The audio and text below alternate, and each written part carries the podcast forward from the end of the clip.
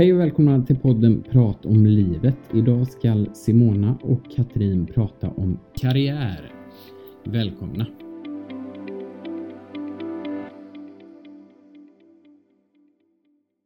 Vad har vi för erfarenheter? Vad, vad är din erfarenhet Katrin? Vad har du för yrkesbakgrund? Ja, jag är en person som inte har studerat. Jag har valt att gå den långa vägen som jag brukar förklara. Att vet man vad man vill göra, om man vill bli veterinär eller polis, det, det vore så himla härligt. Jag känner att jag inte riktigt vet vad jag vill göra när jag blir stor. Utan har jobbat mig igenom, men har ju märkt nu att det är liksom en röd tråd, det är ju att service. Att eh, tjänster och finnas där, vara den som någon behöver, bli behövd. Det är den röda tråden. Men vad jag ska göra när jag blir stor, jag har ingen aning ännu. Men jag kommer aldrig plugga. Så är det bara. Helt säker? Ja, faktiskt. För att eh, jag hinner nog tröttna när jag öppnar första och ska komma till den andra boken. Då har jag bestämt mig för någonting annat. Så att, nej, det, det, det går inte. Men jag beundrar andra som pluggar för att fördjupa sig ner i något ämne. Jag kan lite om mycket. Det är min cup of tea kan man väl säga. Man läser ner ja, det man behöver veta. Astrologi, det kan vara det ena och det andra, planeter. Eh, Mars, eh, NASA. Igår så um, landade de ju på Mars. Mm. Och då kan jag liksom bara, okej, okay, men hur länge har den varit borta då? Det är första tanken och vad hände det här och här? Så då sitter jag och googlar. Google is my best friend. Ah, så är det. Spännande. Yes. Själv då, Simona? Ja. Ja, vad jag gjort? Herregud, jag har ju jätteblandning. Så, eh, vad ville jag bli när jag skulle bli stor? Då, då trodde jag, I många år trodde jag att jag skulle bli skådespelare. Eh, det var min eh, grej att jag skulle stå på teaterscener och få jobba med Ingmar Bergman var en sån här, åh. Lite tungt. Lite men, eh, tungt, yes. men jag älskar ju sådana, sådana lite tunga. Har jag sagt att jag är skorpion eller? Ja. Alla drama. Lars von Norén som tyvärr gick bort här alldeles nyligen också. Natten i Dagens Mor hade till och med mm. släpat mm. min nuvarande man på att titta på på Stadsteatern. Mm. Nej, så det, det, har legat mig väldigt varmt om hjärtat hela tiden. Men när jag tittar på den röda tråden så är det att utbilda människor. Mm. På olika sätt som jag har hamnat Eh, då. Eh, jag trodde väl att jag skulle jobba med något kreativt och det gör jag ju på olika sätt idag också. Men om man tittar på bakgrunden som jag har så har jag ju arbetat då, började lite som fotografassistent. Hamnade inom teatervärlden, arbetat som skådespelare och producent och lite allt i allo på en liten ideell teaterförening. Där ett tag. För att börja jobba som säljare, utbilda mig till butikschef för att sedan helt vända om karriärmässigt och börja jobba som mäklare för kommersiella lokaler och där behöver man inte utbildning kan jag ju säga. Eh, då är det en liten gråzon eftersom man tillhandahåller inte köpet utan man mäklar och så, eh, tillsammans med uthyrare på stora företag. Och kommersiella lokaler det är ju butikslokaler, kontorslokaler och lager och industri och sådär. Eh, från att eh, sätta mig ner när jag närmade mig 40 eller när jag var 40 och började eh, plugga eller utbildade mig då till livscoach för att sedan mm. fortsätta inom mental träning. Och började jobba med det 2010 när jag fyllde 40, så jag var ganska sen där att utbilda mig. Nu har jag jobbat i 10 år med detta.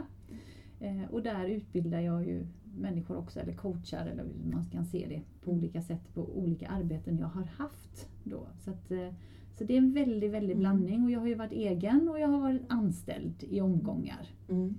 Och där liksom att vara kvinna i karriären, både som egen och anställd, det är ju väldigt spännande. Nu förhoppningsvis känns det ändå som att det har hänt ganska mm. mycket när jag träffar eh, tjejer eller kvinnor i 20-årsåldern och även killar i 20-30-årsåldern som har en helt annan attityd än när jag eh, började min karriär på, på de olika områdena som jag haft och alla de här mm. fördomarna som har funnits. Mm. Eh, finns fortfarande mycket kvar men jag kan uppleva att eh, den äldre generationen blir ju pensionärer nu som mm. har ett helt annat förhållningssätt, mm. eller det gamla förhållningssättet och så att det nya förhållningssättet börjar komma in med mer mm. jämlikhet och jämställdhet. Mm trots att man är man eller kvinna. Det spelar inte så stor roll när man tittar på, på arbetslaget. Mm. Så fort det kommer in någon, och också detta gäller oss kvinnor, att det kommer in någon som är 45 plus så, så mm. har man en helt annan attityd faktiskt. Inte alltid men eh, det händer. Mm. Ja men man blir väl lite fostrad på sin arbetsplats också och eh, skönt att höra att du upplever också att det kan bli lite, att, att det sker en, en skiftesförändring för att ja, men den här gamla stofila, för det sitter ju väldigt mycket män i styrelser. Och eh, många män i eh, egna företagare och men oftast så brukar man inte säga det att oftast eh, bakom en, eh, en man så står det oftast en stark kvinna som stöttar och, och driver livets företag kan man väl säga. Eh, och kunna laborera att driva eget och som, eh, vilken roll man tar som förälder och eh, kanske mamma Mm. som kvinna som man är. Att det är ju verkligen, det är ju ett heltidsjobb och det är inte så att jag sitter och säger att män inte tar samma. Men med handen på hjärtat så är det ju väldigt, väldigt få pappor som kanske är föräldralediga i ett år. Ja, det är det. Och det, det är spännande att se för att vi faller gärna in i våra mönster som vi har haft i generationer. Det sitter liksom nästan som i våra DNA. Mm. Eh, att när vi får barn så är det naturligt att mamman är hemma med Mm. barnen de första Mm. åren när barnet är så, så, så litet om man säger så. Även om eh, papporna kan ta ut pappaledighet och det blir ju mer och mer. Eh, Och sen är det många kvinnor som också känner men jag vill vara hemma. Mm. Eh, och då hamnar man, kan man hamna i den här fällan om man inte tar hand om sig och räddar om sig. För vi vet ju också, vi har pratat om det här med ekonomi, hur viktigt det är att man är jämlik oavsett vem det är som stannar hemma. Mm. Eh, sen också som kvinna, det kanske du har känt av Katrin, att man blir väldigt provocerad när man har en annan kvinna som är mitt i karriären och väljer att göra karriär medan Mm. mannen kanske får ta det stora lasset hemma. Mm. Och hur bemöts man då av kollegor? Mm. till exempel på jobbet. Mm. Eh, när man eh, ha, är där liksom istället. Mm. Ja men alltså att ta för sig och, och känna att eh, man, det här röda tråden i mitt, att man är behövd. Mm. Att vara, självförverkliga sig själv eller sådär. Det har aldrig varit självklart att jag ska vara en eh, egen företagare överhuvudtaget. Det har det inte varit. Eh, men det blev bara så. Eh, jag startade ju bolag efter att ha jobbat ehm, ja, men i ganska många år med det jag pysslar med idag. Och det är mycket rekrytering och försäljning och, och de bitarna. Och insåg att jag kan inte stå riktigt för värderingarna i företaget. Det didn't rock my boat kan man säga. Det blev så tydligt att värderingar, vad, vad är det som känns bra, hur, hur beter man sig mot andra, utvecklingsmöjligheter, hur behandlas män, kvinnor, alla de här sakerna. Jag tror att det, man vet inte det här när man är 25. Man har ingen aning. Och det är så fantastiskt att man har så många år på sig att få lära sig detta på olika företag. Så byt jobb. Testa på olika saker och det du är intresserad av. Våga söka nytt. Fastna inte på ett och samma företag i tio år såvida inte du trivs. Verkligen, stanna kvar. Men är det någon som vill lära dig, var inte kvar på grund av en, en, en trygghet eller någonting. Det är, eh, det är inte bra. Överhuvudtaget, tycker jag. Eh, med det man har mött och det man har sett. Eh, för att många tänker att ja, men det här är ekonomiskt tryggt att få vara kvar på det här jobbet och det ena och det andra. Så jag startade eget företag utan att ha en plan vad jag ville med företaget. Och det har gått fantastiskt bra så att man får nypa sig i armen. Men jag tänkte att ja, men det, här, det här gör jag tills jag kommer på vad jag ska göra härnäst.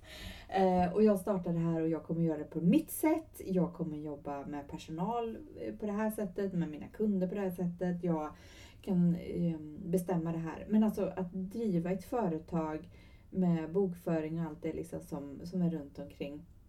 Så jag tänkte inte alls. Utan ja, men det här löser sig nog. För det kommer inte bli så här gigantiskt som det har blivit. I min värld är det här gigantiskt. Eh, och eh, men man har fått eh, utmärkelser eh, två år i rad eh, för att man gör rätt saker. En procent utav Sveriges alla aktiebolag blir gasellföretag. En procent.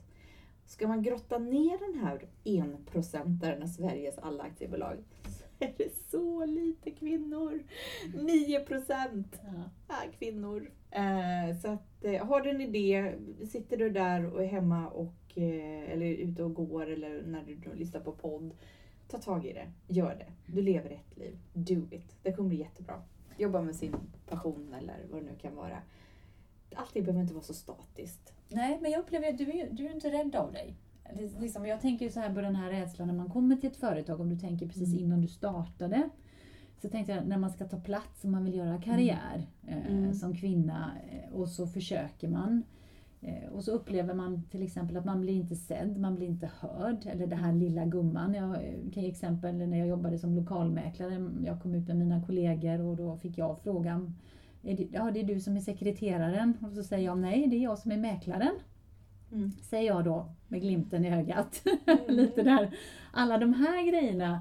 Alltså hur bemöter man om man inte har en stark sj- självkänsla där liksom och, Mm. och, och kan liksom inte riktigt, man är inte riktigt där för att ta för sig för man upplever att, att cheferna som, som är Mm. som, som man, eh, vad ska man säga, ger inte kanske den respekten eller de, de lyssnar inte på en Mm. och eh, hur ska man göra? Hur ska man ta för sig? Liksom? Jag tror man måste känna i, i sin magkänsla. Man vet när det är rätt eller fel. Man får liksom gå in i det här. Är det, vill jag ställa upp på det här? Vill jag ha det här som en arbetsgivare? Eh, jag hade en dialog med en gammal medarbetare häromdagen som eh, har varit sjukskriven. Ska jag berätta det på min intervju att jag har varit eh, sjukskriven under en längre period? Jag tycker att man ska vara ärlig. För livet händer ju hela tiden. Eh, och sen beror det lite på vad man varit sjukskriven för, om man är ute ur det. Och jag sa, vad är din första magkänsla? Att jag vill berätta det. Men gör det. För tar inte den här, när du ska gå på intervju, tar inte det här företaget hand om det här på ett bra sätt. Vill du verkligen jobba där? Det är väl första varningssignalen. Man lägger ner så mycket tid. Och det är det jag menar, liksom att man har och vet vad det är man vill göra härnäst.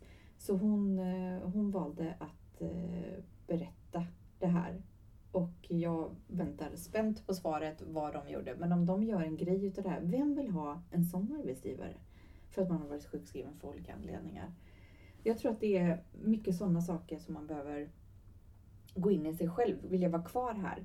Eh, utvecklas jag? Eh, hur behandlas jag gentemot mina kollegor som gör samma saker? Eh, det tycker jag är någonting man behöver fundera på. Om det är så att man vill komma vidare. Sen kan man vara jättenöjd.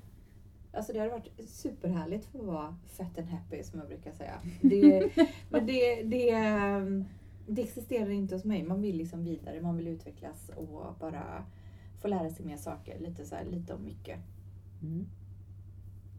Ja, jag tänker mycket när du pratar, jag får ju bilder, jag hoppas också ni där hemma får bilder i huvudet när Katarina håller på och pratar eller också när jag pratar. Eh, För jag, jag tänkte lite det här att det jag var inne på förut, det här med rädslan att ta plats när man väl har kommit in i företaget. Man tycker att det är, det är ett bra företag, man känner så här, ja men det här stämmer ju för mig och sen så helt plötsligt så upplever man att, men vänta lite, jag blir inte sedd och hörd lite till det som Mm. var inne innan eh, på. Ehm, och man upplever att man blir det här lilla gumman, men eh, också av eh, eh, kvinnliga kollegor. Mm. För det är ju någonting som både du och jag upplevt. Jag tror Mm. säkert många där ute också upplevt att vi kvinnor bedömer ju varandra så mycket hårdare än män. Och vi är inte så snälla mot varandra. Istället för att vi ska ju lyfta varandra. Mm. Och lite som männen gör, dunkar varandra på ryggen och lyfter Mm. för de håller varandra om ryggen. Så, så gör ju vi upplevelsen att vi gör tvärtom. Mm. Så, men vi vill ju gärna att man ska tänka på det och så att man lyfter varandra istället. Precis, och vi kanske är den här generationen, den sista generationen som har blivit så präglade i det så att vi snart går i pension, vi också försvinner. För jag upplever att dagens 20-åringar är ju mer femme alltså feminism och, och att det inte är ett skällsord längre utan man tar plats. Jag tycker att dagens kvinnor är fantastiska. Sen kan jag ju tycka att det svänger lite från mig själv. Men det har jag ju bara mig själv att skylla för att jag är fostrad i den gamla skolan med ett ja tack och amen. Lite så. Och inte kanske ta för sig på samma sätt. Och när man väl börjar ta plats, ja, men då blir man lite obehaglig eller vad det nu kan vara. Alltså jag tror att skulle man bli lite irriterad på ett möte på jobbet, eh, om man är på en arbetsplats, som kvinna blir lite irriterad. Jag tror nog att sitter det typ fyra män där inne och fyra kvinnor, så tänk, jag tror att alla tänker att oj, hon måste nog ha PMS för att hon är så arg. Jag tror att det är så lätt att ta till det här med hormoner, att det är, ja, men det är ju en kvinna. En kvinna ska alltid vara lite extra blödig. En kvinna, nej men den kan ju inte jobba som chef, den kan ju inte göra det här för det har ju liksom för mycket känslor. Ja, det är väl jättebra att någon känner. För vem vill inte vara på en arbetsplats där det finns en, en feeling av saker och ting än att det bara är ja, men vi ska tjäna pengar, cash. Jo, det fattar jag också. För att få en lön så behöver jag utföra ett arbete för att företaget ska överleva. För det är inte allmosor man får på ett företag utan man ska faktiskt utföra saker på ett jobb. Det, det tror jag också man behöver nästan ha som ett eget ämne när det gäller det här med eh, vad ska man göra på jobbet egentligen? För många tänker, jag vill ha den här lönen, jag vill göra detta, jag vill ha den här titeln. Ja, men fattar du vad det här innebär? Så om du får 2000 kronor mer i löneförhöjning, kommer du jobba bättre, hårdare, längre eller varför? Nej, du vill bara ha. Men du måste ju ge någonting också. Så enkelt är det. Det är nästan som man vill ha ett så här poängsystem. Idag har jag svarat på 15 nej, 100 spänn, catching. Nej men att man har det här för att alla tar det så för givet. För det är mycket med titlar, det är mycket med eh, sociala medier, man ska eh, ja, men lite skrytsamt hos mm. många och så. Och jag tycker det är fantastiskt. Är man bra på någonting, vill man visa hela världen, definitivt. Men också den som gapar efter mycket mister ofta hela stycket. Lite så. Så, så tänker jag också. En ödmjukhet. Men jag är ju den här generationen som har blivit präglad av stofilerna så att jag kommer snart gå i pension. Ja. Det är bara 20 år kvar.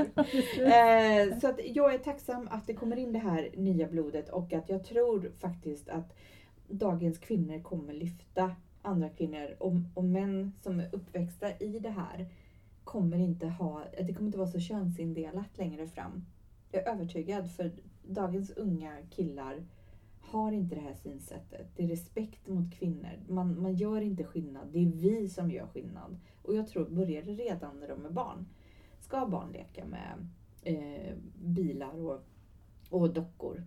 Eller vad är det som gör att den här könssocialiseringen som blir Vem är...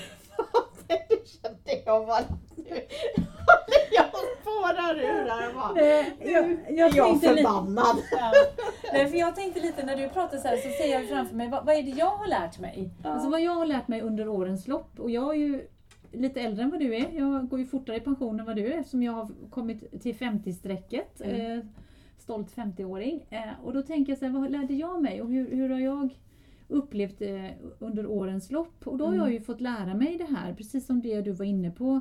Att sitter man i ett rum med massa män, eftersom mm. jag, när jag började som lokalmäklare där i början på 90-talet så var det knappt några kvinnor. Det var mm. några stycken på NCC som spred ut sig. Idag är det, ser det helt annorlunda ut.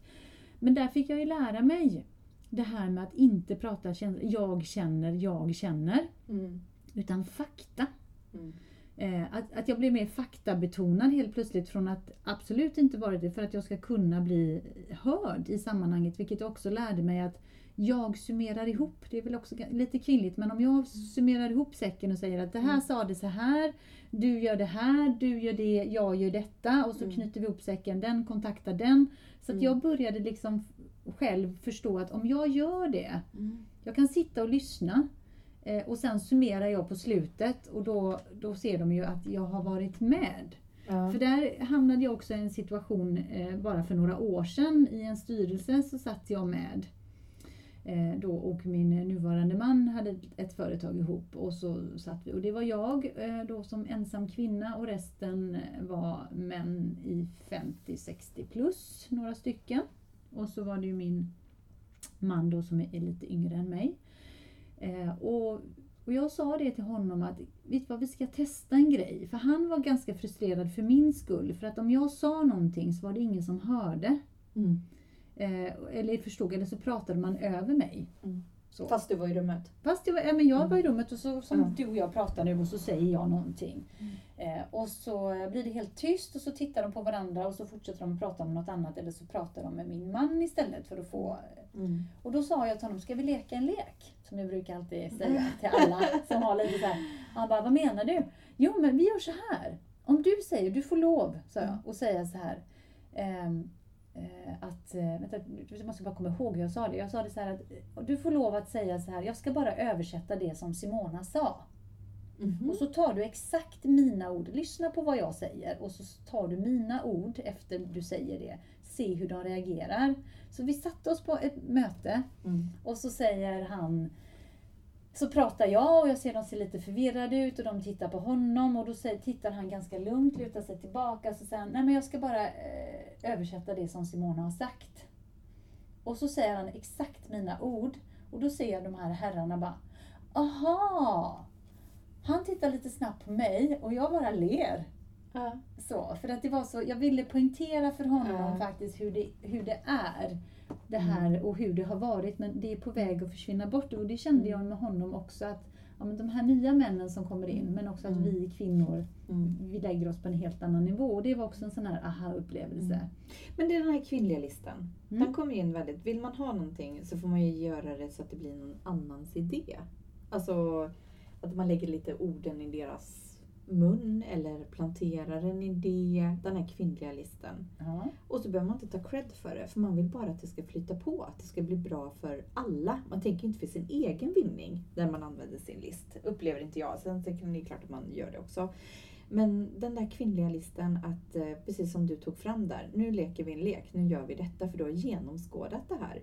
Men de fattar ju inte eh, vad som hände i Nej. rummet. Absolut Och- inte. Jag och- tror de och- märkte det inte överhuvudtaget. De la ingen tid och energi varken efter eller före. Liksom. Nej, utan det här blev ju jättebra för att din man sa det. Ja. Det känns ju helt sjukt att, alltså att, man, att det ska vara så. Och jag tror att många möter det här, lite som vi var inne på här i början, att eh, det är så få kvinnor i styrelser. Tänk vad mycket mer de kommer få gjort om det bara kommer in lite kvinnligt blod. För vi är ju generellt duktiga på att jonglera om man könssocialiserar lite och, och så. Nej men alltså vi, vi har ju de skillsen, koordinera, precis som du sa. Vi syr ihop, vi summerar, vi gör detta. Du gör det här, det här och det här utan att gå in och leda och bossa. Ofta- Oftast är det ju en projektledarroll vi har i livet hela vägen när det gäller familj och vänner, karriär, man styr upp saker. Eh, så självklart finns det män som också är det, men vi pratar procent nu. Att det är mest kvinnor som håller på så här. Ja, och sen också, du och jag har ju pratat om det här att hur kommer det sig att, att som en kvinna, vi säger att det är en styrelse och så sitter det en kvinna. Mm. Och då tänker man, nej men det sitter redan en kvinna där. Mm. Istället för att titta på kompetensen och att, att Ja. när en man slutar då stoppar man i en annan kvinna. Att man, Mm. ser inte, man ser bara att det är en kvinna som sitter där och då har Mm. hon fått den kvinnliga rollen, inte ekonomirollen eller den innovativa rollen eller så. Och det är också lite lustigt att vi, att vi faktiskt gör så. Mm. Man behöver kvotera in vissa saker. Man behöver det här för att det ska vara jämställt. Men är det jämställt av åtta stycken i en styrelse att det är en kvinna? Nej, jag tycker inte det. Att det är jämställt. Men man måste ju också ha en kompetens i företagen. Självklart. Och det finns ju det här med att, eh, jag läste någonstans om det här när man blir nyfiken och googlar. Så läste jag någonstans att det här med kvinnor när de ska göra eh, inte värnplikt utan man kanske är i marinen i USA. Att de, de får med automatik lite lägre vikt att bära på för att de är kvinnor och de här bitarna. Måste man lägga fram det så istället för att din kroppsvikt, även om du är man och väger 50 kilo, som en kvinna väger 50 kilo. De har ju liksom större muskelmassa och lite det ena och det andra. Men alltså någonstans kan man inte ta det, inte för att du är kvinna ska du behöver du bära den här ryggsäcken på x antal kilo kontra det här. Det, det är där jag tycker liksom att det blir fel. För då känns det direkt som att det blir så markerat att det inte är ehm, jämställt Mm. på något sätt. Du tänker att man ska ha bara kilo, att man tittar bara Ja, på kilo Ja, oavsett om det är man eller Precis. kvinna. Ja, men precis. Vad man har för förutsättningar. Varför måste det vara, ja du är kvinna, då ska du matematik. Ja, vi kanske inte har samma uppbyggnad. Det är lite, lite mjukare i en vassa axlar kanske. Ja, och de här bitarna. Att det, det blir det är lite mer andra hormoner i kroppen. Men då tycker jag att bara för att man är kvinna ska man behöva bära mindre. Alltså det finns ju väl kvinnor som lyfter tungt i marklyft och, och, och de här bitarna också kontra, kontra killar. Eller spela fotboll, kanske är ju ännu vassare med att sparka iväg bollen hårdare än en, en man. Någonstans. Nej men det är bara för att en kvinna gör det. Alltså, jag, jag tror att vi har så mycket att tänka på hur vi faktiskt gör i vardagen för att det här ska bli en förändring och inte bara på arbetsplatsen. Det tror jag. Eh, nu kan ju inte män få barn som det ser ut i dagsläget. Men det hade faktiskt varit bra om de fick föda barn och paja kroppen från insidan till utsidan och allt vad det Ja, för de får ju vara. aldrig frågan på en intervju, har du tänkt att skaffa barn? Nu får man ju inte ställa den frågan. Nej, Så, nej. eh, så eh, tänker ni du får barn? Men den frågan fick ju jag, eller har fått under årens lopp. Mm. Eh, Så när tänker ni skaffa barn? Mm. Så. Mm. Och det, som arbetsgivare får man ju inte ställa den frågan, varken till man eller kvinna. För Mm. männen får ju oftast Mm. inte den, Nej. den frågan överhuvudtaget. Jag vet inte någon man, det finns säkert någon där ute. Men jag har inte träffat på någon Nej. där som har fått frågan på en anställningsintervju. Eh, när tänker du bilda familj eller är det dags att bilda familj? Eller när kommer nästa barn? Eller du vet, något Mm. sånt där. Liksom. Men det finns ju väldigt mycket tokigheter som händer på arbetsplatser. Vad man får fråga och inte får fråga. Vad man säger och vad man inte ska säga när man söker jobb och, och sådär. Så man måste ju behöva tänka, vad vill jag ha för arbetsgivare? Vill jag ha det här jobbet? Ja, fantastiskt jobb. Men vill jag jobba på det här företaget? Kan jag växa? Kan jag göra karriär? Eller är det ett avstamp för att ta nästa steg? Jag tycker att man behöver göra liksom en plan för att och liksom kolla upp företaget som man ska jobba för. Eh, och lägga ner all tid och energi. Så man inte bara blir utbytt till någon annan. För det är ju lite så ibland. Jag säger så här att oftast problemen som jag stöter på och också när jag eh, får klienter och coachar så är det mellancheferna. Mm. Eh, mellanchefer som står i vägen. Eh, mellanchefer som eh, trycker ner. Mm. Bara lite sådär eh, för att man har så dålig självkänsla själv. Det här Man att får kanske inte mandat att bestämma hela vägen. Man har blivit tillsagd så här ska du göra. Som linjechef, mellanchef. Du har inte mandaten. Det är klart Mm. att man blir låst. Det är ett otacksamt jobb men någon måste göra det. Mm. Och jag tänker också mellanchefer både som kvinnor och Mm. män. Lite, och, och som Mm. kvinna när man ska då återigen klättra i Mm. karriären och man, man kan inte gå förbi någon. Mm. Eh, Man vill ju ändå visa att man är duktig. Mm. Eller så, att, Mm. att man syns. Och det jag har lärt mig, bara lite tips här kommer. Det är livrem och hängslen. Mm. Som man brukar säga så fint. Det och lite som du var inne på Katrin, att vi, vi som kvinnor vi tar alltid projektledarrollen. Vi, vi har massa bollar i luften och vi tycker det är väldigt Mm. roligt och så. Och så oftast så blir man kanske en informell chef. Mm. För chefen som är chef, det här har hänt mig, eh, verkligt scenario. Chefen som är chef tycker egentligen inte om personal, eh, Mm. håller sig undan. Eh, och så går man in och så tar man den informella rollen. Man har inte Mm. den lönen, man har inte det på, på något CV eller på Mm. tjänstebeskrivningen. Men man går in och gör det för att få saker och ting att fungera. Och man tar mer och mer plats. Eh, och eh, får lite mandat från, från chefen. Liksom, att du, du är lite lillchef sådär. Eh, och sen när chefen tycker det lite, blir lite obehagligt när hela personalen Mm. lyssnar, i detta fallet på mig, Mm. går in och eh, säger men det är jag som är chef, det är jag som bestämmer. Mm. Mm. Det blir ju... Jag till och med hade en, det var utbildning med alla där vi skulle få reda på vem, vad är en informell chef och vad, vad är den riktiga chefens roll. Mm. Jag, jag, jag tror att det är vanligt, ja men det finns en chef, man kanske inte vill eller man har blivit tilldelad eller någonting att man ska, man ska ta en, en roll. Men att kunna leda och ha och vara chef, alltså det är ju skillnad på att vara ledare eller vara chef. Chef, ordning och reda, ledare, vi ska hitåt. Alltså lite så. Eh, och det blir jättetydligt som egen företagare. Jag trivs ju inte att vara chef. Utan jag vill ju leda. För jag tycker att alla människor är så kapabla att ta sitt ansvar. Vad det är de ska utföra för arbete. Om de har fastnat och stagnerat. Att de någonstans kommer och berättar att det här behöver jag. Så att man kan leda och fördela arbetet.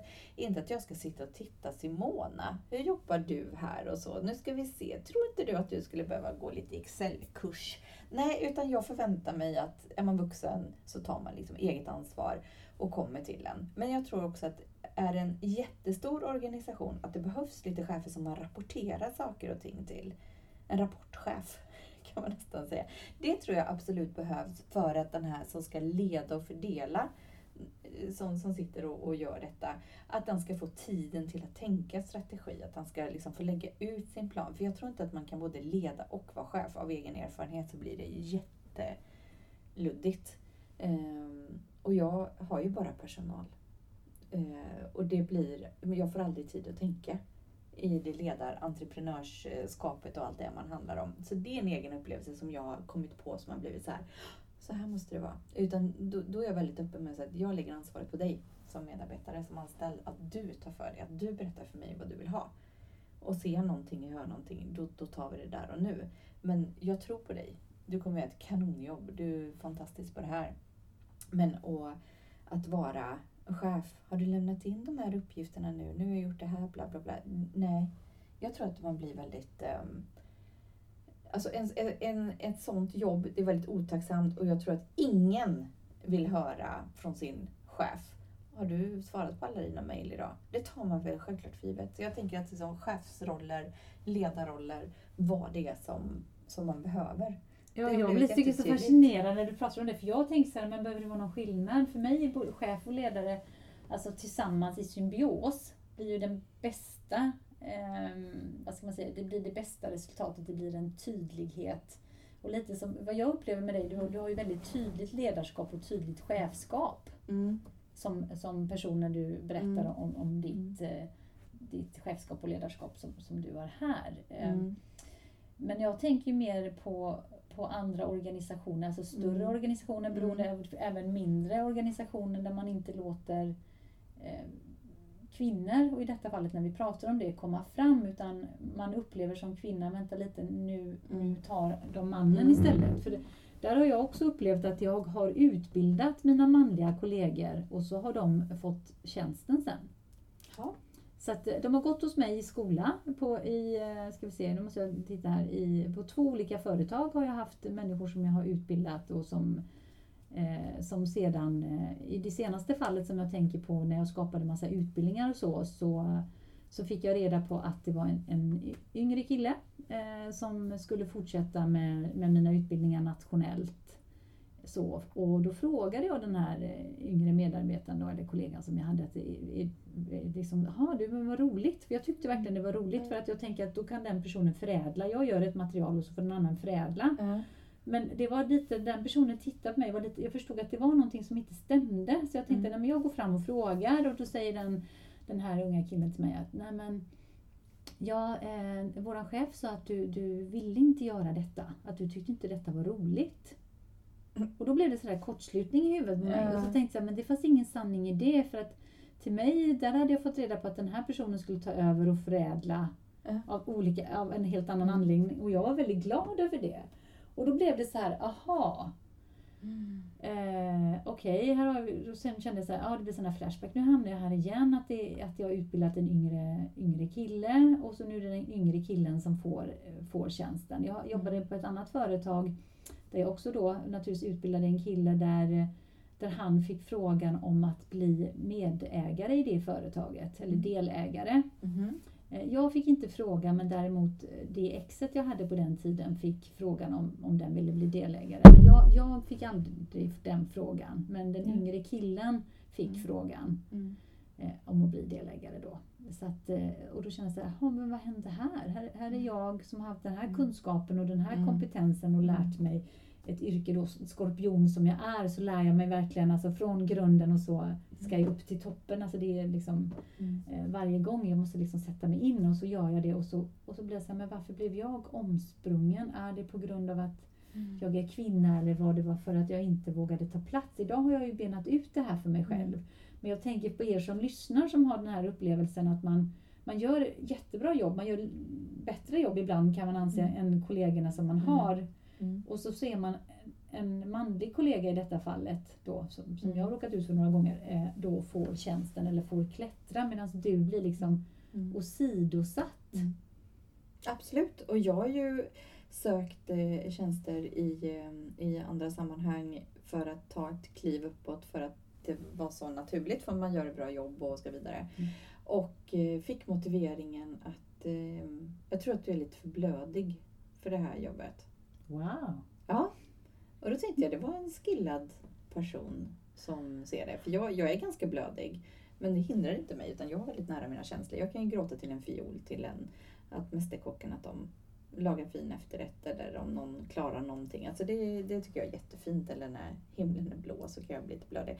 Men då fick inte jag det chefsjobbet för att eh, jag kan vara lite för blödig för man behöver liksom ta lite tuffa beslut. Eh, Vem fick tjänsten?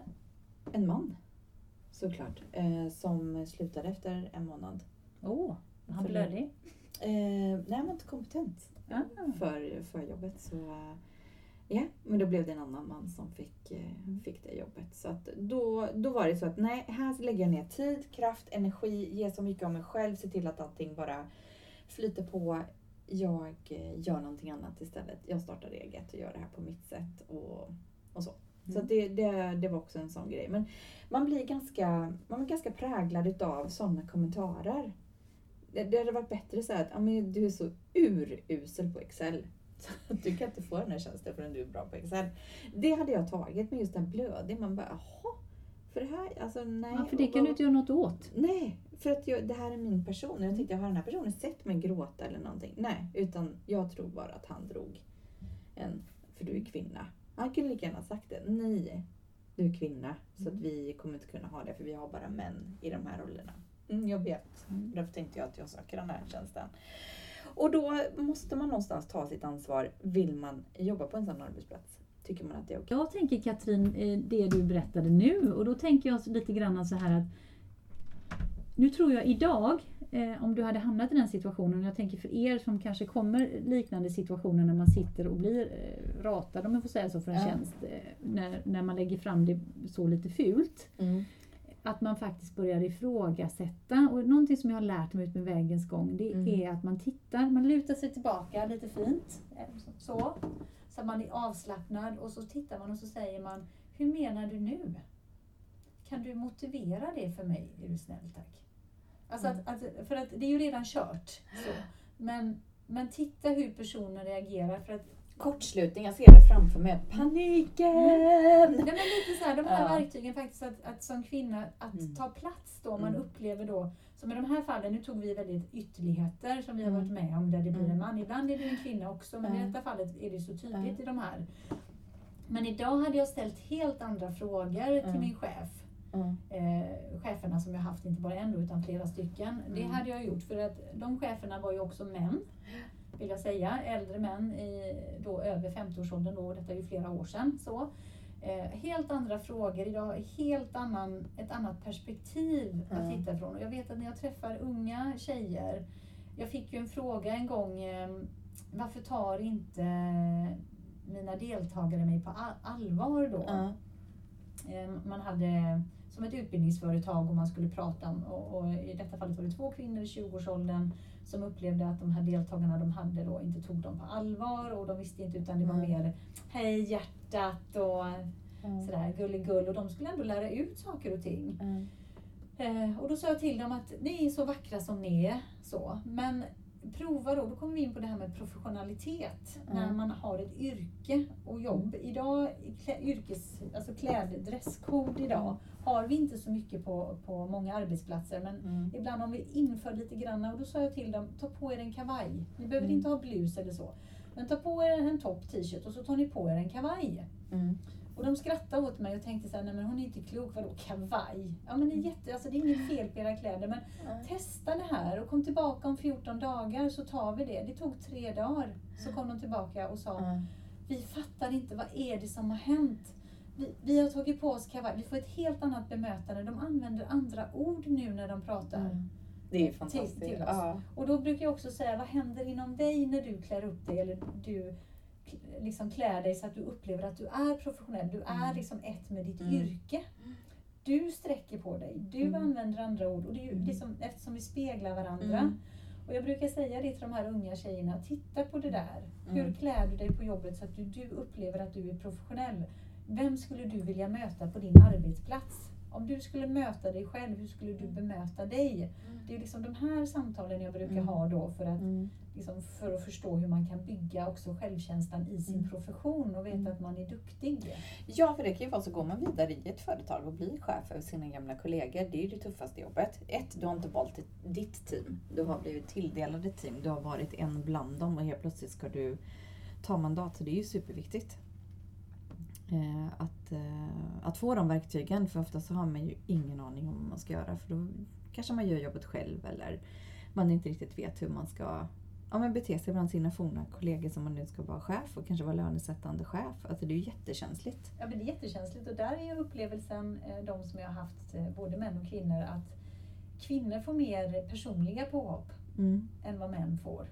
Där tittar man mer på kompetensen men jag tycker Mm. inte om henne för att hon, är, hon har så tråkig attityd eller hon Mm. har Mm. ett visst sätt att prata. Mm. Oftast då kvinnor, jag upplever att kvinnor har, har mer svårt för kvinnliga chefer än vad, vad män har ibland. Mm.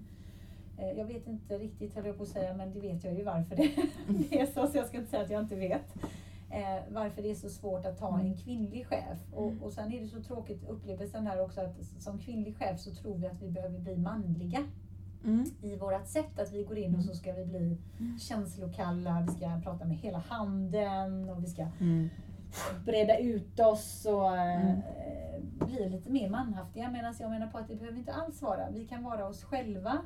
Eh, och vi behöver bara ta plats och vi behöver lära oss att inte vara så osäkra. För det Mm. handlar ju också mycket om den här duktiga flickan. Mm. Någonting som kan sänka oss också, som sänker ganska många chefer. Mm. Det är den här dubbelheten. Att jag har bestämt, lite så här att jag har Mm. lyssnat på er, jag har hört vad ni säger. Mm. Och tillsammans säger men nu har jag tagit, fattat det här beslutet. Mm.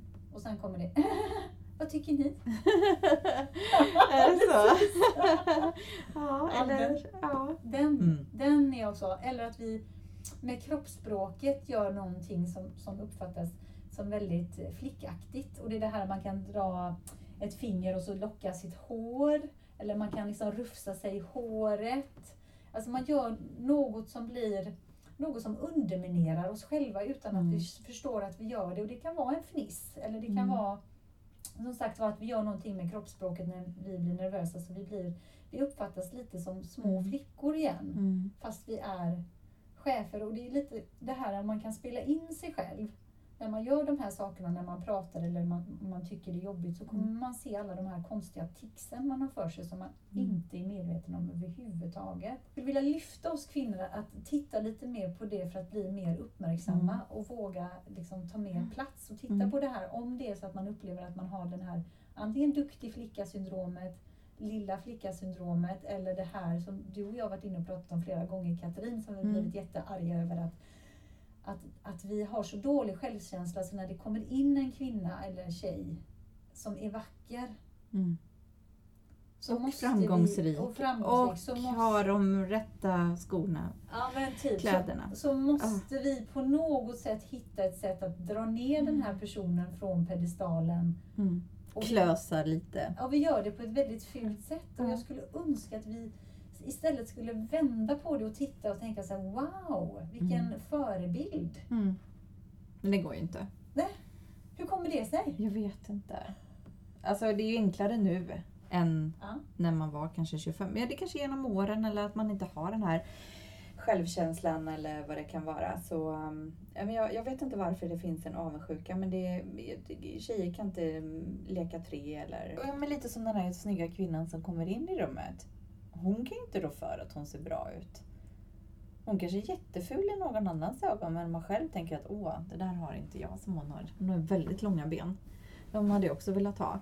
Alltså någonstans att hon kan ju inte rå för Varför ska vi vara taskiga och dumma? Det är alltså gå tillbaka till sig själv precis som du berättade nu, att hon förstod att det är hon själv som någonstans har gjort de här hjärnspökena.